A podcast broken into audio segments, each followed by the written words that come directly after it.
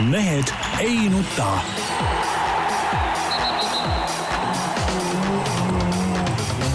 mehed ei nuta. selle eest, et mehed ei nutaks, kannab hoolt Unibet, mängijatelt mängijatele.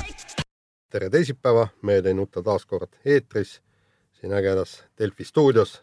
Tarmo Paju Delfist. tervist. Peep Pahv Delfist ja Eesti Päevalehest. Tervist. ja Jaan Martinson Delfist, Eesti Päevalehest ja igalt poolt mujalt samuti. ma kohe tahan alustuseks öelda, et muidu mul läheb äkki meelest ära või mis iganes. et meie presidendiproua, kes mulle üleüldiselt äh, väga, väga hästi meeldib, pani ikkagi nüüd kõva piruka maha, et nagu selguseks Peep ja Tarmo ja mina ka, et meil oli väga õnnetu lapsepõlv olnud. Nõukogude, Nõukogude ajal, sest tema ei tea ühtegi inimest, kes, kelle lapsepõlv oleks olnud õnnelik. no selle kohta ma ütlen küll, et, et praegu on tõesti niisugune vullerpillik lapsepõlv kõikidel nendel, kes äh, õues ei käi, istuvad arvutite taga, mobiiltelefonides, söövad ennast saiakestest paksuks ja vot see on siis See on see õige, tõeline õnnelik lapsepõlv. õnnelik lapsepõlv jah, jah, vaba maailma. vaba, vaba hinguse sihuke õnn, ma, ma ei, ma ei vahetaks grammigi oma lapsepõlvest äh, ära praeguse lapsepõlv, kus puuduvad hoovivõtt ja luuremängud ja kõike, nagu nad ütleb, et, et uhke oli lugeda, kui nad mängisid, et nüüd rootslased tulevad mürinal kõik, onju. no põhimõtteliselt meie mängisime ristirüütleid ja, ja, ja lembitut.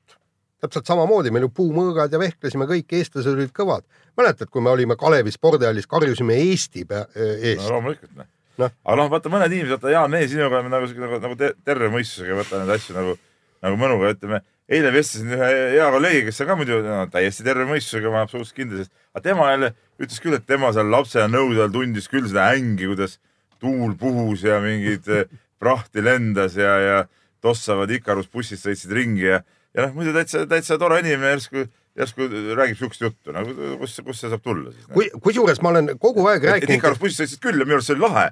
Kollase Ikarus, kui ma sain linna, ma sain kollase Ikarusega sõita, see oli see oli ju kõva värk, tead näh. et, et kui said, seal midagi koledat küll ei olnud, mingit ängi. vot mina mingit ängi küll kunagi no lapsepõlves vaevalt ta nüüd mõtles mingit Ikaruse bussi, et sellest temal mingi Ei, äng tossas. oli, et sel ajal ei olnudki teistsuguseid busse. nojah, aga keegi ei, osanud- osanud, keegi ei os- bussid olid ka pass. no okei okay,, no keegi nagu tehnika vallas, vaevalt Nojah. nüüd mingi äng oli kuskil. ei nojah, aga mina küll ei tundnud, et, et tuul puhus ja, ja prahti lendas ja, ja, ja ma ei tea, kõik oli kole ja must ja minu arust kõik oli jumala äge ja lahe oli.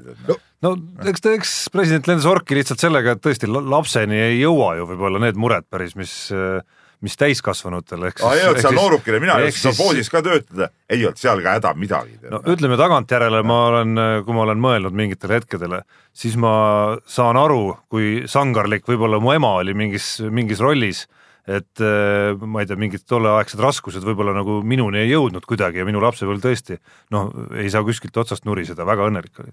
no ja samas tähendab, tuleb võtta aega sellisena, nagu ta on, ega meie, kui me elasime veel, käisime ko- koolis, keskkoolis kõik, ega meil ei olnud ju mitte mingisugust lootustki vabaks saada, me pidime seda maailma võtma ja sellisena. mina mõtlesin muuseas, et see ongi halb, kui me saame vabaks, sest et siis me ei saa ju enam Nõukogude Liidu meistrivõistlustel osaleda alles korvpallis.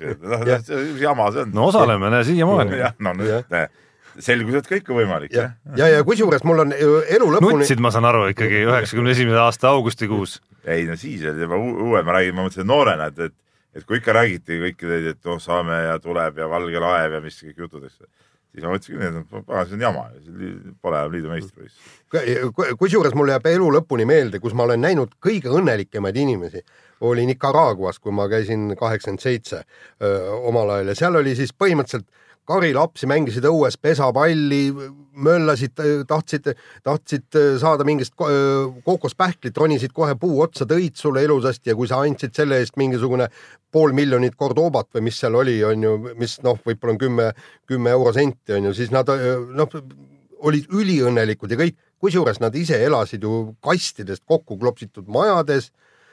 noh, põhimõtteliselt tõesti elektrit ei olnud, telekat ei olnud, mitte midagi, aga nad olid kogu aeg õnnelikud, ma ei näinud küll ühtegi niimoodi mitte rõõmsat last. ei no mis seal salata, kui sa noh, lapseni lihtsalt ei jõua see, midagi ei ole teha, noh, sa vaatad neid äh, tuhandeid pagulasi, siis enamasti lapsed nende piltide peal on ka ju täiesti õnnelikud, just, nii, piltide peal vähemalt.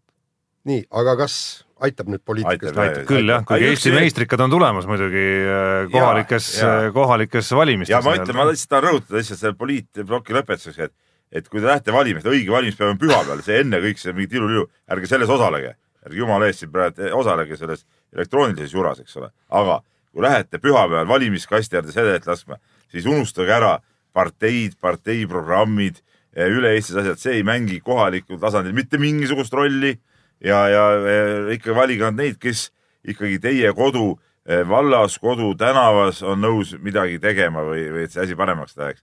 üle-eestiline poliitmaastik tuleb unustada. jah, isegi kui ta, eks Peep, ma tõlgin Peebu sõnu, ma ei taha muidugi avada seda Pandora laegat, et aga isegi kui ta on kooseluseaduse pooldaja, aga ajab õiget asja kohalikus asjas, tuleb ta valida. et mulle üldjuhul Reformierakond väga ei meeldi, aga näiteks Keilas, no mina ise Keilas küll ei, ei vali, eks ole, aga ma näen näiteks Keila linnas. No uskumatu, ta oligi nõus kusjuures. nii ajavad hästi minu arust asja ja, ja seal tulebki neid edasi valida, sest et, sest et nad aj- aj- aj- ajavad spordivärki ka korralikult, eks ole. et see, mis siis üle Eesti, see on nagu teine teema. Riigikogu valimistel nõu, mitte kunagi, eks ole, seal on ainult EKRE, seal ei ole muid valikuid ei ole. aga kohalikul tasandil seal, seal eh, loeb inimene. nii, okei okay,, lähme nüüd spordi juurde ja räägime siis Ott Tänakust. Ma ei usu, ma ei usu, Peep, et sa suudad siiski nagu päris selliseid küsimusi kõrvale panna, kui sa sinna valimiskasti juurde lähed. ei minul on, Meenutades, kuidas- minul on enda peas valik. meenutades, kuidas sa siin põlesid sellesama mainitud teemaga eelmisel ei. nädalal, aga, aga ärme seda ava. ei, ma ütlen, minul on oma peas valik juba tehtud. no sul polegi seal parteisid. ei no seal, aga ma- no ma tean, mis parteisse need inimesed kuuluvad tegelikult. nii, las ta olla, nii. nii, räägime Ott Tänakust, sai käidud Kataloonias ja nähtud äh, rõõmsat Ott Tänakut ja, ja pisut nukrat Ott Tänakut, kolmas koht, kuues kord äh, tänavu poodiumil.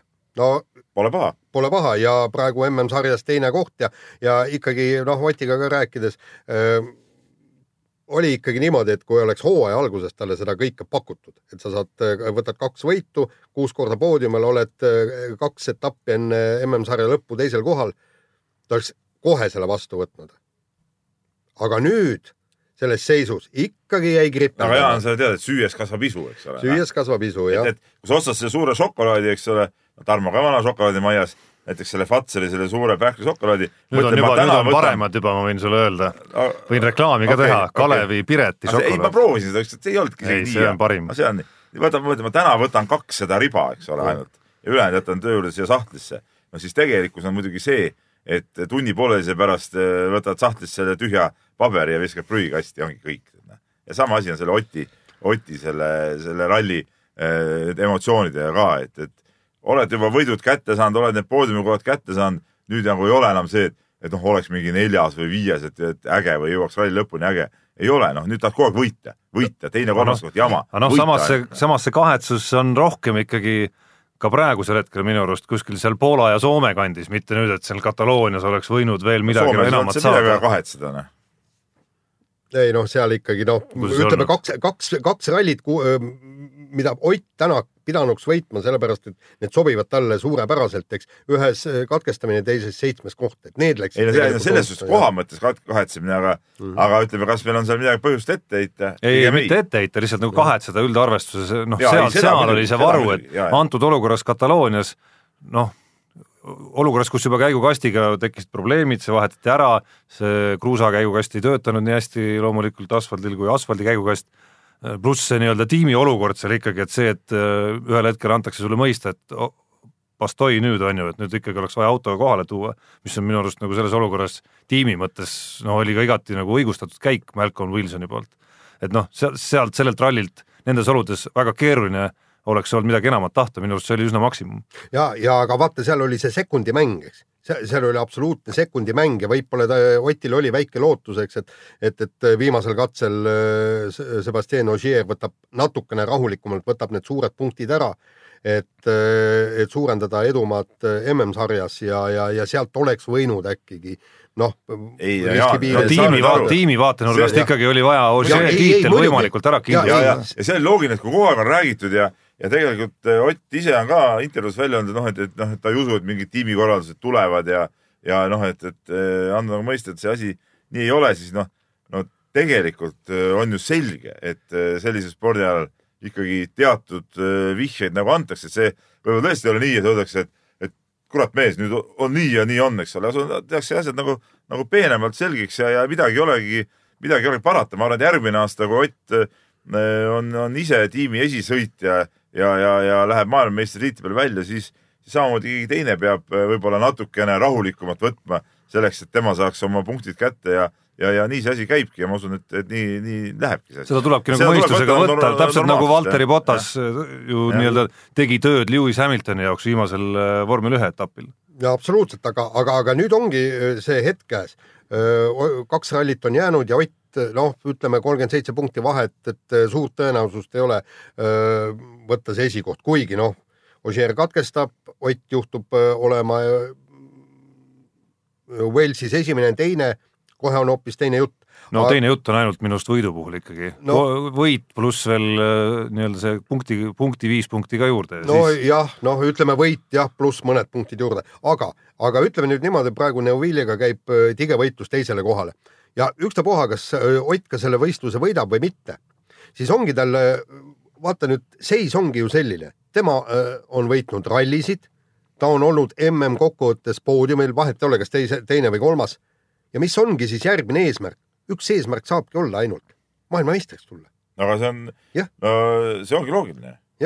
siin ei ole nagu selles suhtes ei olegi midagi imestama ja ega, ega ta ei panegi madalamat eesmärki enda, see on, see on ka loomulik. ja, ja kusjuures tal on ka praegu see, mind natukene isegi üllatas äh, meeldivalt see, kui ta äh, ralli eel intervjuudes äh, ütles, et ta läheb seda rallit võitma. ja, ja noh ja, ja palju meil on olnud sportlasi, kes, kes lähevad, et äh, Erki Nool on olnud, Gerd Kanter on olnud. Värnik. Äh, Värnik, just täpselt. aga need on kõik suured sportlased. ja kõik on suured ja. sportlased jah. ja, ja, ja kusjuures ta on jõudnud juba sellele tasemele, et ta teab, et ta on võimeline võitma neid rallisid, ega siin tõesti noh, no ütleme, see Chris Meek oli võib-olla veidikene kõvem, sellepärast Citroenil sobis ääretult hästi see asfaltil sõitmine, aga ongi, ta, ta ongi praegu see mees, kes võibki võita neid rallisid. ma ei välistaks üldse, et kuskil oma mõttes kui Ott Tänak vaagib seda olukorda, siis ta tegelikult tajub ka, et see võib olla üks noh, ma ei kujuta ette, mitu aastat see aken tema jaoks nüüd on, ma ei tea, viis aastat või, või mis iganes, mis, mis tal neid võimalusi võib tekkida, aga et see võib mõnes mõttes olla üks parimaid võimalusi, mis üldse tekib, just arvestades seda üldist olukorda ka, kus Ogier ei ole nii võimas, kui ta on olnud siin mõned hooajad tagasi, kus võib-olla mees, kes kiiruse mõttes võiks vabalt tiitli peale mängida, ehk Miik on väga palju eksinud ja, igasugu äpardusi tal, Latvala, kes äh, võiks ka olla tiitli pretendent, on igasugu nagu Toyota laste haiguste küüsis olnud, et et äh, see on andnud talle ka nagu abi ikka päris kõvasti ja, ja tekitanud selle väga tasavägise olukorra seal tipus. jaa, aga vaata, sa ütled, et, et Ogier ei ole nii kiire kui tavaliselt.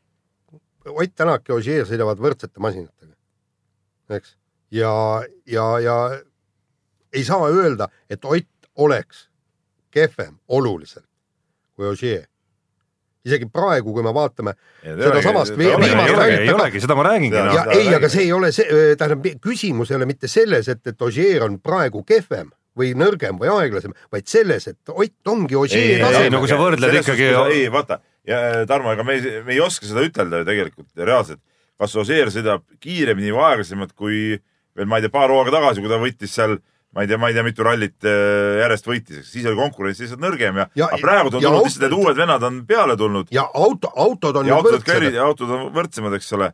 praegu on tulnud peale lihtsalt neid sõitjaid, kes on ka võimelised rallisid võitma lihtsalt ja, ja sellepärast meil on nagu raske öelda, et kas Ožeer on jäänud kehvemaks, ma väga seda isegi ei usu võib-olla no,. samas te olete isegi siin samas olete isegi rääkinud, et see ja. auto ei sobi talle ikkagi nagu lõpuni välja no,. vähemalt tema enda väitel. ja, ja tegelikult me ju ei tea seda, et, et kas ta, kas ta tempo on tegelikult aeglasem või ei ole. ja kusjuures tempo aeglasem ei saagi olla. sest viimasel, sest viimasel rallilgi lõpuks oli natuke kentsakas ju, Ott sõitis justkui nagu, nagu vale käigukastiga aga sõitis nagu kümnendik kümnendikus ju Ožeega no. just, seda ma, no, seda ma ütlengi. aga nüüd sellel rallil kindlasti Ožeer sõitis siuksel režiimil, mis eh, välistas riski.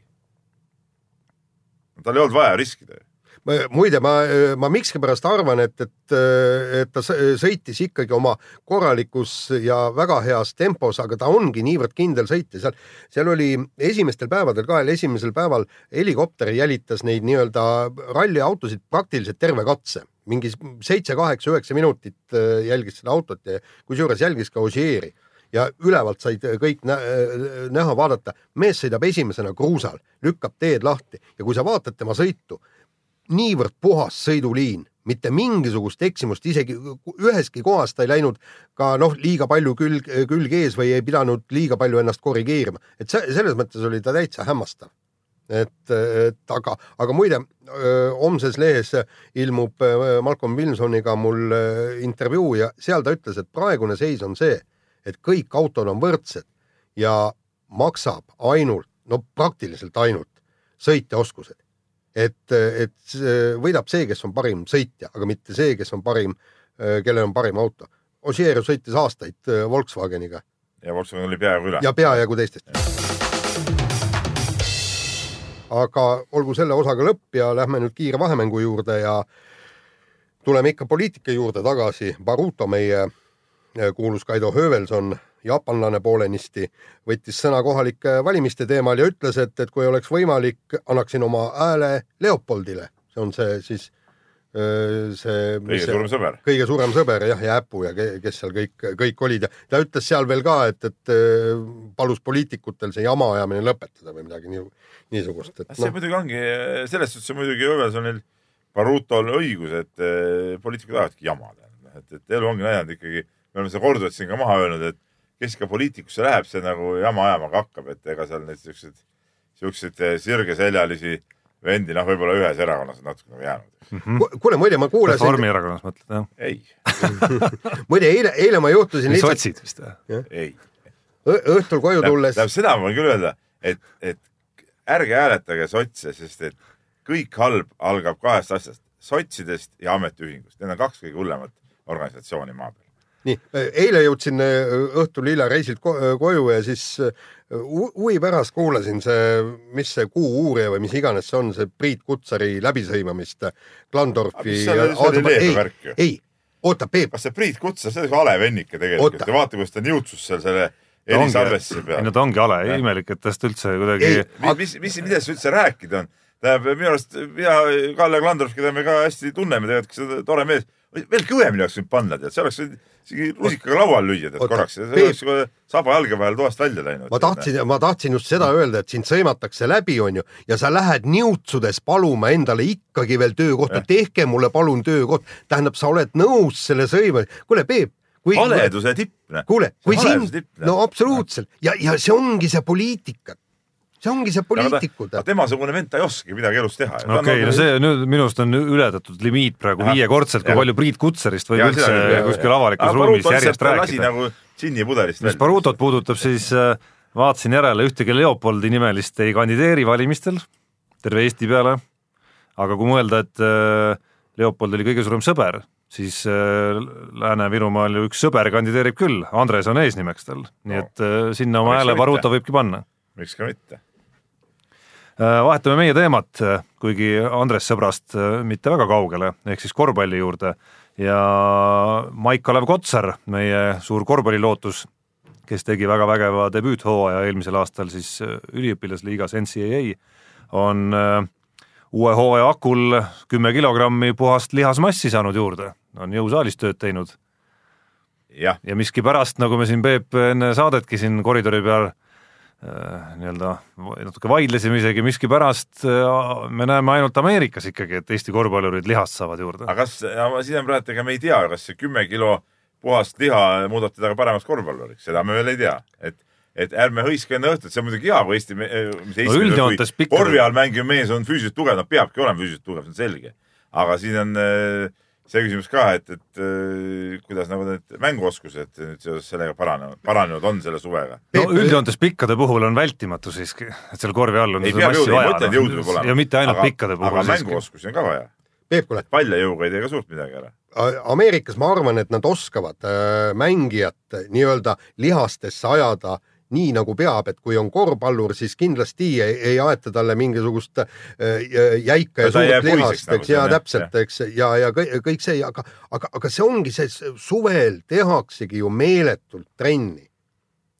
Ma, ma olen kindel, et ka mänguoskuste trenni ta on teinud, ma olen üsna kindel, et ta on ka individuaaltreeneriga treeninud teatud äh, elemente ja kõike no.. seal Ameerikas on varem ka neid äh, mehi käinud ja trenni teinud, ega neist ei ole kõigist nagu midagi eriti välja tulnud veel. aga nad ei ole, aga olid nad siis ka tippülikoolides, ei no olnud? seni pole olnud jah. seni pole olnud, jah. tasemel muidugi olnud jah ja, ja, ja, ja ma kujutan ette, et, et ka meil oleks vaja ju need noored korvpallurid võttagi terveks suveks, kuidas nõukaajal oli ju ka need treeninglaagrid olid kolm kuud pikad, kaks-kolm kuud olid pikad. ja me oleme sel teemal sada korda rääkinud, rääkinud, et, et, et esiteks, kes selle kinni maksab, selle pika treeninglaagri.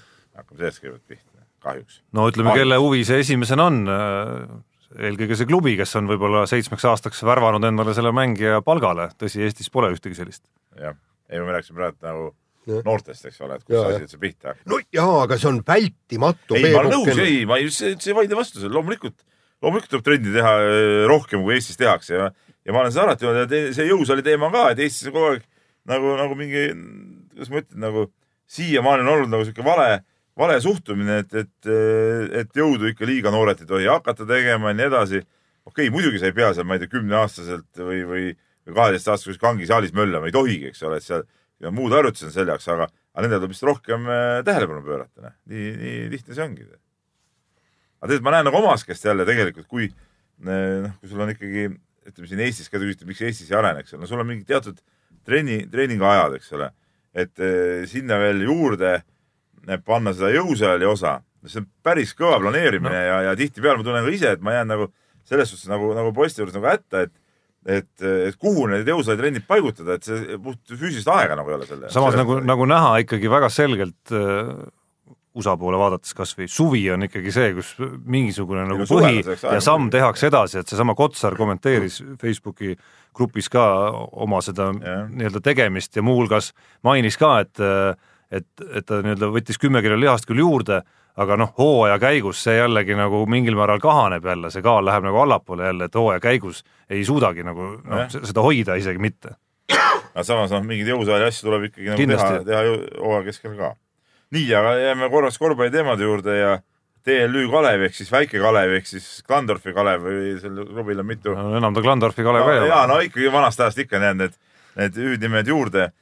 sihuke meeskond tõi siis eh, eile eh, Raplaga peetud meistriliiga mängus väljakule legendaarse nii-öelda Kalevi sea. isegi Ja. see mees seal sees, see Leo Täht oli sama.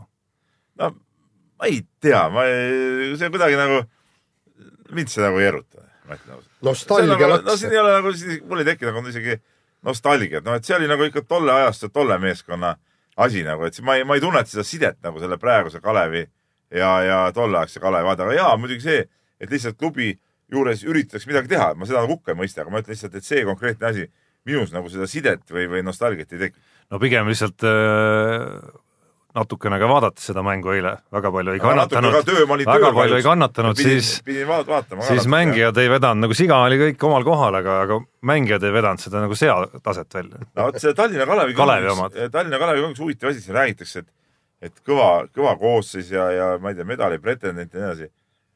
noh, okei okay,, see Bamba Fall tuli juurde, aga ma, ma ei ütleks nii, minu arust see on, see on, tal on nagu sarnased hädad mõnes mõttes, mis nagu siin ühe Eestil nagu tippklubil, et see koosseis on nagu ütleme nüüd, see on küll paar aastat madalamal võttes, aga koosseis on nagu, nagu vana ja sealt nendelt väljalt, ega sealt mingit arengut ju ei tule. no väga paljud mehed käivad tööl ka ja muidugi, ja kus nad peaksid hakkama järsku paremini mängima, et seda medalit võtta, no ma ei, ma küll ei näe, et, et, et kolme parema hulka see meeskond peaks, peaks tulema selliste meestega. et ta on nagu läinud, austuse eh, juures nendele vanadele meestele, kes käivad ikka mängimas, noh, tore, aga viies-kuues koht.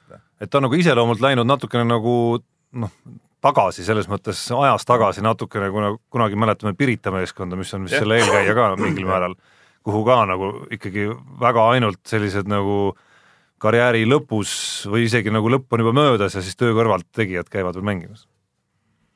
nii, aga võtame järgmise teeme jälle rallist ja Martin Järveoja ehk siis Ott Tänaku kaardilugeja pressikonverentsil äh, küsiti temalt, et äh, kuidas, et ilmselt on äh, tiimi boss õnnelik, et äh, võidetakse ti- tiimi maailmameistritiitel ja selle peale ta ütles, et noh, kindlasti ta on väga õnnelik, aga, aga võib juhtuda, et varsti ta väga õnnelik ei ole ja rääkis, kuidas eh, jaanuarikuus eh, käisid veinikeldris ja Malcolm Wilson siis viskas välja niisuguse pakkumise, et kui tuled tiimiga maailmameistriks, siis võite tulla ja juua siit igat veini, mida tahate. aga ma kujutan ette, et seal veinikeldris on ikka väga kalleid marke kõik ja siis läksid muidugi Martin Järveoja silmad põlema ja ütlesid, et noh, nii et kui me sinna nüüd veinikeldrisse tuleme pärast võitu, et siis võib-olla ei olegi nii õnnelik. ah, tavaliselt muidugi ma ütleks, tahaks Martinile ütelda, et ära, ära nendele kallistele veinidele väga panusta, et mida kallim vein, seda kehvem tavaliselt. elu näitab. no ei ole, normaalne, kõige parem vein, mina olin veinisõber muidugi oled, eks hapu ja kui sa palju jood, siis on hommikul pea valutab ja sihuke hapu maik on üldjuhul suus.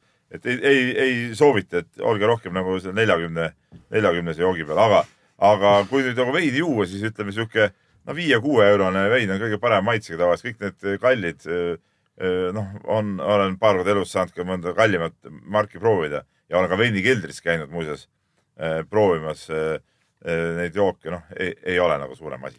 ei ole no ei ole tal maitsemeel ei ole arenenud sul lihtsalt. kuule, ära hakka ajama, no mis maitsemeel, noh. Noh, sa ei, sa ei suuda tajuda nüansse, tekstuuri. mis tekstuur, see on ju lollus kuubis, mis tekstuuri, mis sa hakkad, jood seal eh, ära, siis hakkad, sa loksutad seda klaasi ja vaatad, kuidas see ripub, mis see ripub. Ei. peaasi, et pähe hakkab natuke, see on joomise mõte. Ei, kuule. mis, mis, mis, mis tekstuuri pärast sa, jood. kuule, kui sa võtad seal, kas sa tõesti üle võtta nii nagu Jaan Martinson komandeeringus, eks ole, võttis nii palju, et valas osa klaviatuuri peale ja nüüd on arvutiga rikkis. ei kuule, Peebukene, kas sa tõesti siis ei tunne, kui sa nuusutad, maitsed niimoodi sealt ja, ja kas sa ei tunne seda? aga ma ei maitsegi nii, vaata pastakanu nagu öeldakse. ei, aga se- seal on ju, seal on kuskilt mingisugust, ma ei tea, sidrunihõngu ja suitsust maitset ja siis aprikoose ja ei niisugust. no hea, kui saad mingisuguse, tead, keerikampsu peale võtta, siis see kala maitse tulebki sealt jälle. vaata kui lihtne Jaan oli, mees käima, käima tõmmata, vajuta ju. nuppu ainult näed on, ja hakkab tulema muidugi, muidugi. noh, aga me jääme ralli juurde kiire vahemängu lõpetuseks ja ja Kataloonia rallil oli üks äh, nagu pealtnäha päris omapärane juhtum, ehk siis äh, kui Tanis Ordo sõitis kivi otsa, siis äh, ma paneks siia ette väidetavalt või ma ei tea, võib-olla Jaan oskab öelda, et see oli tegelikult ka nii. Chris Meeki ta justkui hoiatas, et seal on see kivi, aga tiimikaaslaste Andreas Mikkelseni seejärel mitte. No oli ka nii või? no põhimõtteliselt räägiti jah, ta oli või mõtlesid sa ise välja selle? ei, ei, noh, seal rallimehed, see oli see Martin Järveoja ju öö, andis, andis Jaani selle, lugudega on alati ei alati see oht, et, et noh mingid ju, legendid saavad faktideks. ju, jutt tuli ju tegelikult, noh, küsisime Martin Järveojalt ka üle ja siis ta, ta ütles ka, et, et väidetavalt oli nä- näinud, et näidanud, et, et kurvis, et võta väljaspoolt, eks. nii, aga üks on kindel, Mikkelseni ta hoiatama ei tulnud, seda on ilusasti videodest ka näha ja kui sa tead, et see on kivi ja kõik ju tegelikult Ott Tänak sõitis ka öö, sellest kivist üle, lihtsalt auto oli tugevam, võib-olla ta ei lõiganud niivõrd öö, sügavalt seda kurvi, eks. kui sa tead seda, sa võitled tiimi punktide pärast, sest ta jäi ju pidama mingi sada meetrit öö, hiljem, eks. on sul siis tõesti vaev öö, minna jalutada sinna kuule, Mikkel seda mingisuguse minu koha ära võtta, mis ma ei hakka talle mingit kivi seal näitama, las sõidab sinna otsa, tead. ma, ma arvan, nii mõtles eh, Sordo. kusjuures teine asi oli ju ka see, et, et Mikkelson ei olnud veel startinud. oleks tele, telefonikõne tiimile, hoiatage seal kurvis, ärge, ärgu lõigaku, seda kõike saab teha ja täpselt sama kivi otsa pani Mikkelson minutid hiljem. no see on tegelikult absurdne. ei Sordo, ma, ma ütlen, et ta võis niimoodi mõtelda, et mees nüüd tuli siia tiimi, eks ole, minu roll siin võib-olla kahaneb. noh vot ma sulle nüüd näitan, pane sinna kivi otsa, kui tahad. nii need asjad käivadki, eks ole No, nii. ütleme, et jõhker. aga lähme siis järgmise osa kirjade- juurde ja kirjade, kirjade juurde, ja, ja, ja kõigepealt eh, võtame kirja ette, Tauri meile kirjutab ja ja tegemist on kahekümne kaheksa aastase noormehega, selge see, et tema võib-olla meediatarbimis, sihuke harjumus ei ole väga pikk ja seepärast ta küsibki, et eh, kas Mehed ja nuta on esimene Eesti niinimetatud spordiarutlussaade. ei mäleta, et varasemalt oleks selline saade olnud ja, ja, ja siis ta ütleb, on kahekümne kaheksa aastane, pole kursis esimese Eesti ega Nõukogude aja perioodiga. lisaks pole ta ka stabiilne raadiokuulaja no ütleme nii, spordiprisma oli ikkagi teises formaadis küll, aga oli ka nagu arutelusaade. see oli telekas jah, see oli probleemsaade see oli probleemsaade, aga no ikkagi seal arutati ja minu arust see oli eh, ikkagi, on pärast üritatud televisioonis teha küll neid spordisaateid, aga, aga ei ole nagu ligilähedalegi saadud. no ütleme, ma noore poisina spordiprismat alati vaatasin, see oli nagu kohustuslik repertuaar absoluutselt. absoluutselt, no seal oli Toomas Suva vedas. ja Toomas Suva vedas seda ikkagi, ikkagi nagu, nagu väga hästi, aga ei ole, ei ole siukest olnud ja ega, ega, ega rohkem ma siukest saadet ka ei tea, et nüüd on noh, ütleme kui me Kukust ära tulime, on seal ka mingi asendussaade, aga aga ma ei ole väga-väga hästi kursis, mis, kui hästi neil seal läheb. aga, aga, aga ühte ma tahaks muidugi öelda, et, et, et praegu on ETV-s uued juhid paigas ja, ja tegelikult ETV-s on ju mehi küll, kes tege-, tegelikult asja teavad, tunnevad. Neil on oma väga huvitav ja hea arusaamine spordist, Armo Tiisler, Osila, kõik, et miks. no kindlasti. miks nemad ei võiks. et, et seal, seal kanalis ikkagi tekiks sellised saated, et, et kui ei juleta kohe kohe, ma ei tea, ETV põhiprogrammi panna, no hakaku alguses sealt äh, spordiportaalist pihta. no, no just siis, täpselt, jah. tehku sinna ja vaadake, kui asi hakkab toimima, siis saab selle alati ju, ju telesse äh, üle viia ja, ja, ja suuremaks ja, ja uhkemaks teha. ja, ja kusjuures need on spordiajakirjanikud, kellel on midagi öelda Eesti rahvale no. väga see, tahaks kuulata seda. jah, see ei pea ainult ka ütlemine olema, et seal on ju noh, kui palju materjaligi ETV-l on arhiivis ja vaatasin siin alles hiljuti pidin natuke tegelema nii-öelda ühe, ühe vanade aegade meenutamise looga ja siis sattus, mis, mis see viimane spordisaade, mis ta nimi oli, mis ära kadus suhtes suurmeistrid, eks ole, mis, mis tegelikult oli ju kohati väga, väga korralik saade, ma sattusin otsima siis äh, Erki Noole Sydney olümpiavõidu teemalisi nii-öelda nagu mälestusi ja siis sattusin suurmeistrite osa, osa otsa äh, kus äh, Erki Nool ise meenutas neid ja näidati neid kaadreid seal. täiesti suurepärane osa oli minu arust Suurmeistrite saatesse, ma ei tea, kas te originaalis nägite seda või mitte. et noh, ka selliseid asju näiteks äh, ETV-l minu arust on ainsana võimekus teha või ja, oleks võimekus teha. kindlasti, jah.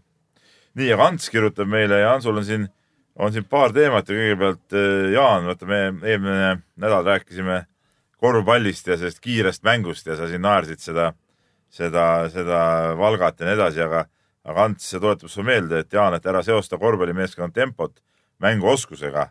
et NBA-s oli hooajal kaks tuhat kuusteist, seitseteist kõige kiirem meeskond Brooklyn Nets, aga vaata, mitmenda koha nad said. et, et seepärast ütlebki, et seepärast ei pruugigi Ventspils olla näiteks Valga ja Valka meeskonnast kiirem, aga võidavad ikka kolmekümne punktiga. said nüüd aru või? ja ei, sain küll aru, aga tähendab, ega see ei tähenda, et, et võistkond ei võiks kiire olla. ei no võistkond võib muidugi kiire olla, aga, aga kui sul ei ole vastavaid oskusi, et eh, seda kiirust nagu eh, ära kasutada tehniliselt, siis ei ole sellest kiirust mingit kasu. sama asi, ma ütlen, et ei ole sellest eh, ülemäärasest jõust ka mingit kasu, kui sul ei ole oskusi seda nagu mängus ära kasutada. nii, aga, aga Ants kirjutab meil veel ka, me rääkisime sellest dopingu teemadel ja, ja rääkisime, et noh, siis nagu oli Venemaa vastu võib-olla see dopingu rünnak nagu liiga suunatud, et teistes riikides on ka ja, ja, ja, ja lihtsalt Ants toob välja selle, et, et et, et USA-s, eks ole, ei, ei ole see lihtsalt riiklikul tasemel niimoodi võimalik nagu Venemaal, vaata. Nagu me rääkisime, et, et Venemaal on nagu riiklikult toetatud programm, et USA-s see selline ei ole, et, et meedia tooks need asjad kohe välja, aga Venemaal seda juhtus, kogu meedia on isakese äh, käpa all. ma tean, et sul on sellele kirjale oma vastus olemas. ja ei, ma, ma kirjutasin Antsule ka vastusse ja tõin, see oli vist tuhat üheksasada üheksakümmend üheksa või millal see oli, kui äh, üle saja kergejõustiklase dopinguproovid Ameerika Olümpiakomitee ehk siis noh, sisuliselt riiklik organisatsioon lihtsalt ära peitis, seal oli kolmteist medalivõitjat oli ka ja põhimõtteliselt ta andis teada, et, et ta lihtsalt neid proove ei ava ja kõik muu. või siis võtame Hispaania, Itaalia, seal tehti nende dopingulaborite reidid, kõik võeti seal, kes oli doktor Ferrari ja doktor Fuentes ja kõik võeti kinni, neil on tõendid olemas, neil on olemas, nad teavad, kes sportlased seal käisid. kas need materjalid on avaldatud? ei ole, riiklikult ei ole avaldatud neid. riik teab, kes käisid seal dopingut panemas, aga ei avalda. kui see ei ole nüüd nii-öelda riiklik dopingu soosimine, siis mis asi see veel on? Või kui Norra peaminister avaldab kahetsust, et äh, Therese Johaug äh, vahele võeti ja äh, nii-öelda ebaõiglaselt toetab teda nii-öelda. ja toetab ja, teda igal juhul, kas see ei ole siis riiklik nii-öelda dopingu toetamine? no ega on... meilgi ju on pigem nagu nii-öelda no. toetavad seisukohad nendes olukordades. no jaa, aga, see oli halb, aga see oli absurdne ju tegelikult ju, olgem ausad. oli. noh, et selles suhtes ei ole, ei ole siin rohkem üks patune kui, kui teine, et ei maksa siin ühte riiki ainult, ainult süüdistada, aga, aga sihuke mees nagu vana pagan huvitav, mis see siuke nimi on, kui tuleb siit kirja lõpust välja, et ta on tegelikult, tegelikult isegi neli aastat noorem kui mina, et, et kus ta siis vanaks sai, et pagan võib ta muidugi olla, aga, aga ta kirjutab meile ja hurjutab meid ja, ja kirjutab nii, et kirjutan teile seda kirja murenoodiga, et, et üle-eelmise saate Peep Pahvi tiraad NFL-is toimuva rassismivastase protesti teemal tekitas minus nii sügavat negatiivset emotsiooni, et kahtlen tõsiselt, kas ma jään teie saate püsikuulajaks. aga sulgus on siiski, et eelmist saadet veel kuulasin.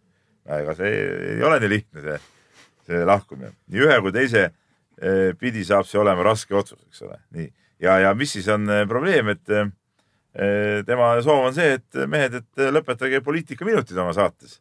et, et uskuge mind, et inimesed saavad ka ise aru, kui poliitikud on midagi lolli teinud ja negatiivse raadioeetrisse paiskamine on kaheldava väärtusega. kas seda aega ei oleks parem kulutada spordist rääkides? no ikka ei saa päris niimoodi, ikkagi eh, inimesed ei saa üldjuhul aru, et, et eh, poliitikud on rumalad ja, ja kasutavad teid ära ja, ja et sotsid on, on nagu halva maailmavaatega, seda tuleb inimestel nagu, nagu tuua ikkagi nagu noh, teha nagu selgeks asjad, nii on. kandikul ette. jah, see on nagu, see on nagu luule, mis ei tule tuulest, see lihtsalt ja. nagu tuleb südamest. jah, seest jah, jah. Ega käisest ka. ja, ja tähendab ja kuna üldjuhul nagu ütleme, Eestis poliitikud võib-olla saavadki liiga vähe avalikus äh, ruumis hurjutamist, siis tuleb vahest nagu siin ka, ka seda kõvemini teha, nii et äh, äh, vana pagan, ma ei tea, vana ei taha hästi rõhutada, eks ole, noore mehe puhul, et äh, ma usun, et sa kuulad ikka edasi meid, nii on. jah, no Peep sujuvalt muidugi jättis suurema osa vanapagana No ei kriitikast muidugi äh, ette lugemata, nii nagu ka eel, nii nagu ka eelmises saates jättis ta meie kirjasaatja Eno kirja ette lugemata, mis siis mõlemad äh, üritasid äh, ja minu arust No väga veenvalt ka tegid ei, seda. siin ei olnud midagi veenvat. veensid, kuidas ei, me ei hakka uuesti, aga ma tahan, et see noh. oleks markeeritud ikkagi ära, et niisugused kirjad ja veenvalt on tõest-, veenvalt on meie väga aktiivsed kuulajad ikkagi nagu aga meie Jaaniga avaldanud, avaldanud meelsust ja Jaan kusjuures ei ole Jaan sa olid ju ka selle põlvitamise vastu ju, hümni ajal. mina, jah, las põlvitavad. ah nii, aga eelmises saates sa rääkisid küll meenutasid, kuidas kuidas need neegrid käisid seal äh, Nii, lähme edasi. Kindad käes ja Okei, me sokid lubasime, ja- et me ei hakka uuesti, me ei hakka, nii, aga Jaan on libukas, noh, lihtsalt. Jaan jagab asja. Jaan on. Jaan jagab asja.. nii, nii, okei, elukogemus räägib. kuule, räägime nüüd spordist edasi. nii, ja, ja super ja võimas ja suurepärane on mulle siia ette tekst kirjutatud, et, et Eesti jalgpallikoondis sai valiksarjas ajaloo suurima võidu, kui Gibraltarile tehti äh, tuul alla kuus-null. aga see on küll tõesti võimas, see on siuke sooritus, et oota, see läheb kuldsete tähtedega Eesti spordi ajalukku. Peep, kuule, tegelikult ma siin eh, nii palju ei ironiseeriks. Eesti pidigi Gibraltarit võitma kuus-null ja, ja, ja tõesti, ütleme niimoodi, et, et ülivõrdes laulda tõesti ei ole mõtet, aga väike aplaus. ei, aga ma ütlen nii, kui tahate saada nagu suuremat võitu, siis eh, tulge mängige a- näiteks eh, Harjumaa koondisega või Saaremaa koondisega. no eks Eesti koondis mängib ikka nendega, kes nii-öelda ette antakse ja. nüüd antakse, nad lähevad ju sinna eh, Okeaania turniirile, ma isegi ei mäleta, mis, mis naljariikidega seal kõikidega kokku noh, minnakse. mingid naurud ja, ja mis asjad seal on. vanautud ja et, et seal, miks, seal võib ka tulla suuremaid skoore. ei, aga. milleks jalgpalli üldse mängitakse? no aga samas noh, mis, mis selle pärast nüüd ironiseerida, noh, tegelikult tublid, iseenesest tublid võidu pärast, aga eh, reaktsioon eh, suurepärane, no siin ei ole midagi, et see on nagu, see pidigi nii olema. okei okay,, no see oli jälle pandud nagu konksuks sinna lihtsalt söödaks ja kõik neelati alla. noh, loomulikult see kohati oli naljakas muidugi, et noh, Jaan, sina, ma ei tea, kas sa nägid seda mängu ka, sa olid Ei. võõras riigis, et äh, kui kuulata see, kuulata seda analüüsi koos Indrek Selinski kommentaaridega Eesti Televisioonist, siis tegelikult ju kõikide nende väravaolukordade puhul, eriti, eriti seal paari-kolme-nelja puhul, Indrek Selinski põhimõtteliselt hoidis peast kinni, kuidas on võimalik, et kaitse üldse niimoodi mängib. et äh, see nüüd esimene värav, kus äh, nurgalöögi olukorras siis noh, lihtsalt jäeti üks mees nagu noh, üks mees lihtsalt ui, tuias rahulikult äh, karistusalas, tema peale mängiti pall, lõi selle sisse, siis oli mingi olukord seal, see oli vist Käidi värava puhul, kus, kui Zelinski sõnu kasutada, siis äh, üks kaitsemängija, kes Käidi vastu oli, muutus ühel hetkel äh, kaitsjast pealtvaatajaks ja siis loomulikult kasutati see võimalus ka ära. no aga vaata, ega palju sa et seal noh- no, Gibraltaril ikka head jalgpalli näed, vahepeal lähedalt ka vaadata seda mängu noh. et noh, eks need olukorrad loomulikult olid sellised, mida Bosnia ja Hertsegoviina suguse meeskonna vastu äh, rääkimata veel kõvematest satsidest, noh ei sünni lihtsalt, on ju. aga noh, ikkagi kuus on kuus. ma lähen täna ise staadioni Ega neid palju ei ole, kes- vaatama ka, avaldan austust selle kuus-null võidu. ega neid äh, Kreeka võitis Gibraltarit neli-üks näiteks võõrsil. Küpros kodus kolm-üks, jah, ma näin, näin, muidugi. ega see vii-, kuue värava löömine nii lihtne ka ei ole. ja aga, aga, aga tegelikult, mis mind nagu häirib, et äh, Õhtulehes äh, avaldati hästi suur ja lai ja võimas artikkel selle, selle kohta, et me tegime siin kriitikat äh, ja, ja kusjuures nagu inimesed ei oska nagu kas kuulata või lugeda või ei saa tekstist aru ma. pole lugenudki Õhtulehes artiklit. ei, ei, ei oli, ei, seal oli kogu jutt oli see, et nagu meie, meie oleks rünnanud jalgpalli, ei, me ju rääkisime selle, et põhjendamatult palju kajastatakse jalgpalli öö, siin Eestis, et, et see ei ole seda väärt, keegi ei ole öelnud halba sõna jalgpalli kohta.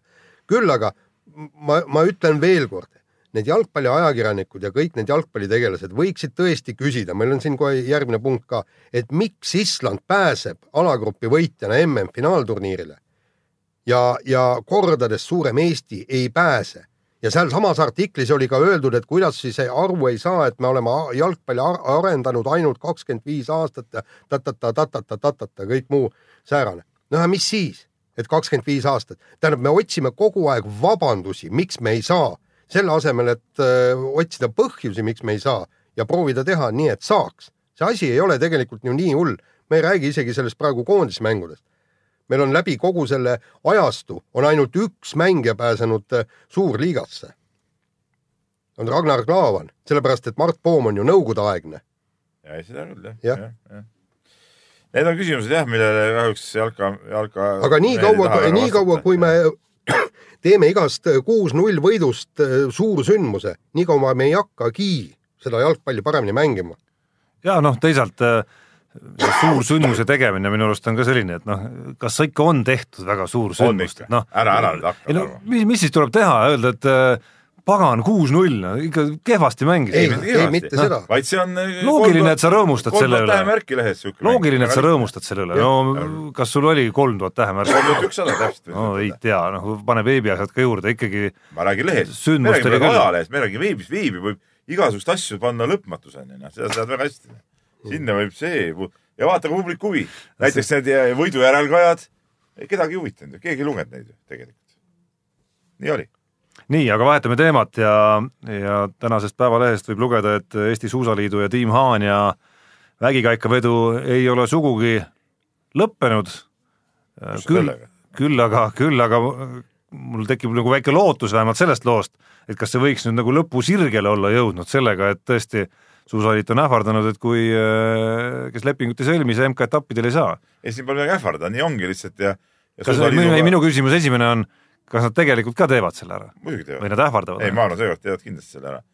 ja suusaliidu ühes paadis on ka EOK, kes eh, on selle lepingu teemaga täpselt sama meelt, et lepingud peavad olema ja, ja nii ongi. noh. kuulge, minu meelest me unustame ühe asja ära. me unustame ära selle nii-öelda Suusaliidu, mis see oli, see erakorralise kongressi või kuidas neil on, suurkogu, kus äh, taheti välja vahetada president äh, ja, ja kui siis äh, teine presidendikandidaat tõusis püsti ja ütles niimoodi, et ma olen rääkinud Mati Alaveriga, ma olen rääkinud Toomas Annusega, kui mind valitakse presidendiks, siis lõpeb see suusaliidu jama ära, suusatajad kirjutavad lepingule alla.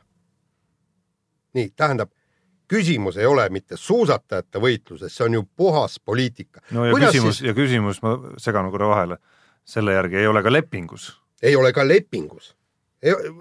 Ei ole selles lepingus, on selles, et, et eh, tiim Haanjale ei meeldi need, kes on praegu suusaliidus eesotsas, kuid kes sai valdava enamuse suusaklubide häältest, taaskord. et unustage see ära, et, et kõik advokaadid, lepingupunktid, kõik, selles ei ole jama, küsimus. selles ei ole küsimus, küsimus on selles, et ei, ei, ei meeldi suusaliidu juhid ja kui me paneme omad inimesed sinna etteotsa, siis kuulake, mitte Toomas, mitte suusatajad ei luba lepingule alla kirjutada ja konflikte ära lõpetada, vaid Mati Alaver ja Toomas Annus lubavad lepingule, et suusatajad kirjutavad lepingu alla Mati ja Alaver ei konflikt, ole ametlikult nagu nii-öelda kuidagi seotud selle asjaga, eks ole. et see, unustage see ära, ärge küsige suusatajatelt. Mati aga Alaver üks suusataja ikkagi, Tiim Ainastu kirjutas lepingule Jah. alla õige, ja, ja õieti tegi, väga õigesti tegi. sest et noh, okei okay,, ma olen seda meelt, et selge see, et et et siuksed mängud peaks jääma kõrvale ja sportlane peab, peaks saama võistelda, aga no sportlasel endal on ka ikka mingid kohustused, et kui on reegel, tuleb lepingu alla kirjutada, siis tuleb lepingu alla kirjutada, noh ja ongi kõik, noh. ja, ja, ja, ja kui ja, seda enam, et, et äh, rääkida nüüd, ma saan aru, et äh, mingeid rahasid pole saadud, pole ka päris õige, et ikkagi ma saan aru, et need palgarahad ja mingid Solidarity fondi rahad ja need on ju kõik kätte saadud, et siin ei ole nagu, nagu mingit küsimust, et äh, rahad on kõik edasi kantud ja kõik on tehtud. ja, ja, ja kusjuures on, nagu ma saan aru, on need eh, C ja D kategooria to- toetused on kätte saamata, aga, aga nagu ma saan aru, et need on ette Neid- nähtud olümpiamängudeks valmistumisel ja kui, kui kui sportlased, sportlane ei ole Ja lepingut teinud, et ta valmistub olümpiamängudeks, ta ei saagi maksta neid. no just, ja, ja, ja see raha ei ole mitte Suusaliidu käes, vaid see on praegu EOK käes see raha alles ja nad hakkavad arutama, mis selle rahaga nüüd teha. homme on neil eh, kokkusaamine Suusaliidul ja EOK-l ja siis, siis seda arutatakse. noh, reaalne olukord siin äh, on ju taustana ka see, et, et kogu sellel Haanja pundil noh, ei ole tegelikult nagu väga positsiooni nii-öelda, millega seal noh, nagu edasi nii-öelda pidurdada ja pidurdada, et noh, nad ei ole jõupositsioonil tegelikult, arvestades äh, seda, kuidas nad sportlikult on esinenud, et noh, nad ei ole nagu hädavajalikud tegelikult. ei no selles suhtes nad muidugi on hädavajalikud, et no kas on, mis Ei siis no- juhtub, kui neid ei ole noh? see juhtubki, et meil ei ole praegu veel olümpiakohti no ja siis, no aga kui, kes siis lõpuks need välja toob, need no kohad? ja siis noh, ei no aga noh, seda, see on ka Suusaliidule ju kahjulik, eks ole, siin see dilemma nagu on, eks ole, et kuidas tagada nüüd seda, et need olümpiakohad välja no, võideldes, kuigi no kas meil on vaja neid olümpiakohti tingimata, neid ühe viiekümnendaid, kuuekümnendaid, ühe kas on? mehe, ühe naise me saame igal ja juhul olümpiale saata. ja, ja teiseks on see, et, et kui nüüd äh, muidugi nendele ja- Tiim Haanja sportlastele on ka uks ikkagi olümpiale lahti sellega, et äh, reegel ma saan aru, on selline, et äh, kui sul viis punkti on täis ja tuled Eesti meistriks, siis äh, Eesti meister sõidab olümpiale. jah Nii., ja, ja aga siin peab mõle, mõlemad pooled peavad ikkagi vaatama ja tegelikult sportlased pea, tahavad ju täita oma unistust, pääseda olümpiale. minge ja tehke ja kompromiss. siis seda jonni on, on natuke liiga palju ikka, mulle tundub ka ma, ma saan aru, et mida see siis leping tähendab, kui ma kirjutan lepingule alla, kuidas siis ma, kas ma muutun sellest kehvemaks või? kas, kas mul jääb midagi tegemata või midagi, see ju leping ei mõjuta mitte kuidagi sinu sõidukiirust, on sellele alla kirjutatud või mitte. nii, räägime vormelist ka natuke, vormelist ka natuke. kuigi palju rääkida ei ole. tundub jah, et midagi eriti rääkida pole, et vormel üks äh, MM-sarjas hakkab äh, põnevus äh, kaduma ja, ja on Lewis Hamilton on peaaegu maailmameister juba, et Sebastian Vettelit on viimastel etappidel siin tabanud äh, üks häda teise otsa ja samas Hamilton on korjanud punktid ära ja, ja tundub, et purjetab oma järjekordse tiitli suunas. no põhimõtteliselt kahju on see, ma ei, kahjuks seda sõitu ei näinud, olin jah tõesti ära, aga, aga kahju on see, et, et äh, huvi kaob ära. ma ikka lootsin, et, et see tiitlivõistlus kestab viimaste etappideni, täpselt nii nagu rallis ka, kui, kui ikkagi, ikkagi kõik loodavad, et, et Austraalias on veel väike lootus, et Ogier ei tule maailmameistriks, kõik loodavad ju seda.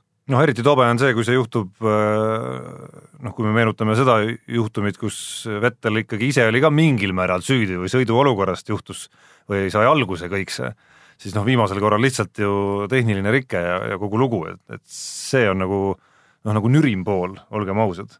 seda enam, et üks mees, kes võiks võib-olla, vaadates nüüd viimaseid etappe, kes võib-olla no kas just tiitliheitluses päris, aga noh, oleks võinud ka seal kiires, kõvemas mängus olla, Verstappen viimastel aegadel näitab ikkagi väga head kiirust juba.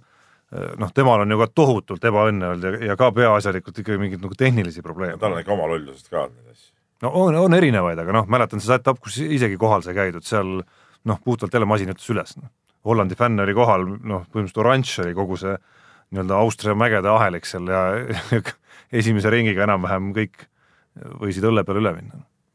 Pole ka paha. Ja viimane, viimane osa, noh, eks ma panen nüüd oma suu kinni, korvpalli ma ei ole näinud, pole kuulnud, ma ei tea sellest äh, ausalt öeldes mitte midagi, ainukene, mis ma sain öö, sõnumi Skype'is Peebult, et kes kurtis, et peab istuma Kalevi spordihallis ja vaatama VTB liiga mängu, kus miinus kakskümmend üks, kolmanda, veerandaja lõpp oli parajasti. Jaan äh, raporteeris, et ta on ralliloo üles pannud pühapäeva õhtul mm. Ja siis ma ütlesin, et lähen toimetusse vaatan, aga praegu pean istuma siin. nii, aga räägi, mis sa seal istusid ja no mida mina sain nägid? aru, mina sain aru, et äh, tegelikult ei olnud sul seal üldse väga halb olla, et Ei, sa said ju ma ei. sain aru järgmisel päeval, et sa said täielikult kaifi seal. ja ma sain kaifi, ma tunnistan ausalt, tegelikult eh, ma sain kaifi, sain kaifi küll kahjuks mitte eestlastest, vaid, vaid Krasnodari Lokomotiivi meeskonna eh, vägevast agressiivsest eh, tegutsemisest, sellest, kuidas nad Kalevit kaitses ikkagi hakkisid. noh, seal, seal oli ikka nagu nauditav, ütleme siukest, vot see on, Tarmoga oleme palju vaielnud, et kas seda V- VTB ühisliigat on tarvis mängida või ei ole ja ma olen ikka ühe argumendi toonud välja seda, et noh, et see annab võimaluse näha oma silmaga neid tippmeeskondi ja Tarmo ütleb, et noh, neid saab telekast ka vaadata, jah. üks asi on see tõesti telekast vaadata, aga teine asi on see, kui sul sinust meetri kaugusel see korvpallur teeb seda tööd seal kaitses ja, ja pressib ja, ja möllab ja sa näed kogu seda, seda siukest nagu laiemat pilti ka sellest, et et noh, see on, see on, ütleme minu jaoks, ma saan aru, see ei ole võib-olla laiade massideks, aga minu jaoks see on see, see väärtus nagu, mida, mida ma sealt äh, saalist saan. Peep, ma küsin siia kohe vahele, et aga miks meie omad vastu ei ei no hakanud me küll, vaatan, et seda meie võistkonda, mida ühed head kolleegid koosseisus nimetasid nagu viie, viie miinuse vääriliseks, no seal ei olegi siukseid mängijad, kes, kes niimoodi saaksid äh, kaitset mängida, noh. no et, et äh, võib-olla Martin Torbek Martin on, Torbek, on jah. midagi seal lähedal, kuigi noh, ütleme, ütleme, seal on ka meisterlikkuse vahe võrreldes lokomotiivmängijatega on väga suur, ka kaitsemängu meisterlikkuse vahe. aga, aga tema jälle nagu platsile ei saanudki, nii et, et need, kes platsil käisid, selle koosseisu kindlasti Kalev agressiivset mängu kunagi mängima ei hakka, see on, see on nagu fakt, et meie Kalevi agressiivsus piirdus esimese võib-olla kolme-nelja minutiga, kui paar korda tõesti pall toodi kiiremini üle ja, ja saadi seal mingeid olukordi ja, ja, ja Mirkovitši mingite korvide peal ka elati alguses. aga tegelikult ütleme, Lokomotiivi see mäng kestis ikkagi kõik nelikümmend minutit ühtemoodi ja, ja ka suures eduseisus, kui seal kaitses eksiti, siis, siis äh, peatreener Saša Obradovitš võttis ja, ja oli seal time out või kutsus pingile ja, ja, ja võttis need vennad ikka ette, kes eksisid, et seal nagu mingit äh, andestust nagu ei olnud. no aga kaitsemäng olevat ju tahtmise taga. üks asi on tahtmine ja teine asi on ikkagi see, et sa pead ikka suutma seda, et noh. no sul peavad jalad liikuma ikkagi sul vastava peavad käed liikuma, sa pead, sa pead ikka natuke, see on ikka pead on ka natuke vaja, et sa nagu mingi päris lollusi ei saa nagu teha, et et see tahtmine jah, see on, see on nagu ilus jutt, et tahtmine ja, ja see on kindlasti ka oluline, aga, aga sul peavad ikka olema teatud oskused ja võimed selle jaoks. no raske on muidugi midagi, kui nüüd, mis Kalevit puudutab, on nagu lisada veel sellele, mis me viimases paaris saates juba oleme nagu Kalevi koosseisu ja komplekteerimise kohta arvanud, et, et need esimesed mängud, nii seesama Lokomotiivi mäng kui ka esimene koduliiga mäng Raplaga, on seda, seda tunnetust pigem ikkagi ju nagu kasvatanud ja kinnitanud, et et selle koosseisuga, kus on nagu keskmine vanus päris kõrge näiteks ja äh, kust nüüd üks mees veel läheb ära, eks ole, kes on toodud Läks siia ja läks juba ära, on ju, ja läks lõpuks nagu ise ära, mitte teda ei saadetud ära, mis on nagu klubi vaatevinklist veel nagu selles mõttes õnnetum variant, et äh, ilmselt klubi lootis, tuli Saksamaalt pakkumine ja jah, et ilmselt klubi lootis, et selleks ajaks, kui nad talle nagu hundipassi annavad, on neil ikkagi leitud mingisugune uus mees juba. nüüd oleme olukorras, kus, kus äh, uut meest ei ole ja nüüd Mažeikat ka ei ole. noh, mis meeskonda paremaks no minu arust kuskilt otsast kindlasti ei tee järgnevateks mängudeks. ehk siis äh, kuidagi nii nagu see ilm, mis no eile oli ikkagi eriti nutune juba, natukene nagu väga sarnastes toonides on see hooaja algus ja ei paistagi nagu väga head äh, nii-öelda väljapääsu sellest enam. no ei no välja. selle koosseisuga sa pead ju elama. selles suhtes, et ei no selle koosseisu ei pea elama, selge see, et üks äh, uus tagamängija tuuakse, eks ole. aga see on nagu loterii, et kas leitakse selline äh, kaitsemängu muidugi nagu, no see ei puuduta praegu, küsimus käib nagu ründemängus ja üldse võib-olla selles ründeteravuse loomises, mis on ka suur probleem Kalevile. no see ongi põhiprobleem minu arust, et ei ole mängijaid, kes on suutelised sisuliselt üks-üks mängima. et, et kas nüüd nagu leitakse olemasolevate vahendite piires selline mängija, kes, kes seda rolli täidab, et siin mõnel eelmisel aastal on siuksed mängijad leitud, eks ole, aga, aga, aga see ei pruugi nii lihtsalt minna, et kui, kui see üks mängija tuleb juurde, siis see muudab kindlasti seda pilti, pilti väga oluliselt. sest ega mõ- mõtleme loogiliselt, kui, kui selles samas Lokomotiiviga mängus äh, oli päris palju minuteid, kui äh, Kalevil olid korraga platsil Mirkovitš ja Sokk äh, taga, tagaliinis, siis noh, sealt mingit nüüd teravust oodata oleks ilmselge nagu, nagu unistus noh, lihtsalt. pisut siia teema lõppu võib-olla Kossu juurde jäädes Tartust ka, et mis seal salata, okei okay,, taustsüsteemid taustsüsteemideks, aga ma isegi olin üllatunud, et nad said Türgis esimese euromängu kõigest üheksa punktiga. jah, seal ütleme, esimesel poolajal väljaku peremehed ei olnud nagu eriti, eriti head vist, aga, aga no teine poolaeg jälle teisalt jälle näitas ära, milline jõudude vahekord tegelikult on, et nüüd homme kordusmäng. no ma ei, ei, ma arvan, et Tartu edasipääsu võimalus jääb sinna kümne protsendi kanti, mitte rohkem. ei, kindlasti mitte jah, et äh, ühest küljest oli hästi positiivne vaadata neid numbreid, mis olid seal kuueteist-seitsmeteistaastaste mängijate äh, ees statistikas, ehk siis Hendrik Eelmäe ja, ja Märt Rosenthal, aga noh, teisest küljest äh, on näha ka, et see on nagu sundkäik ikkagi treeneril, et, et meeskond on mõne positsiooni pealt ikkagi päris habras. ja et see oli nagu huvitav, et, et võistkonna mõttes see Eelmäe suured mänguminutid, noh, kindlasti kasuks ei tulnud sellisel tasemel. Eelmäe enda seisukohalt jälle oli see muidugi ülim kogemus, mis üldse, üldse sai olla ja, ja, ja noh, tahaks väga loota, et ta selle kuidagi nagu enda jaoks nagu salvestas ka ja, ja ära kasutab ikkagi sellises mängus, sellises kohas, selliste vastaste vastu mängida, mis ta mängis üheksateist minutit peaaegu, et, et see oli nagu see oli nagu väga-väga kasulik talle endale kindlasti. et kui Tartu, ütleme, hooaja motiiviks, ükskõik kuidas seal euromängus nüüd läheb, jääbki noh, sisuliselt see, et me üritame nii-öelda laduda nüüd midagi kuidagi tuleviku jaoks ja needsamad Eelmäed ja Rosenthalid äh, hakkaks rohkem kandma ja saavadki, visatakse vette, siis, siis, siis, siis kindlasti olete minu näol saanud ühe fänni juurde, eriti kui poisid ise nii-öelda nagu kannavad, ka kannavad selle välja ja õigustavad seda ja on tahtmist täis ja, ja pingutavad veri ninast väljas, siis minu näol fänn on kindlasti olemas. nii, jutt on olnud vist kõvasti. piisav. viiskümmend viis minutit noh, sellest piisab. kakras. kakras, jah. ja sellega on saade lõppenud, kuulake meid nädala pärast. mehed ei nuta.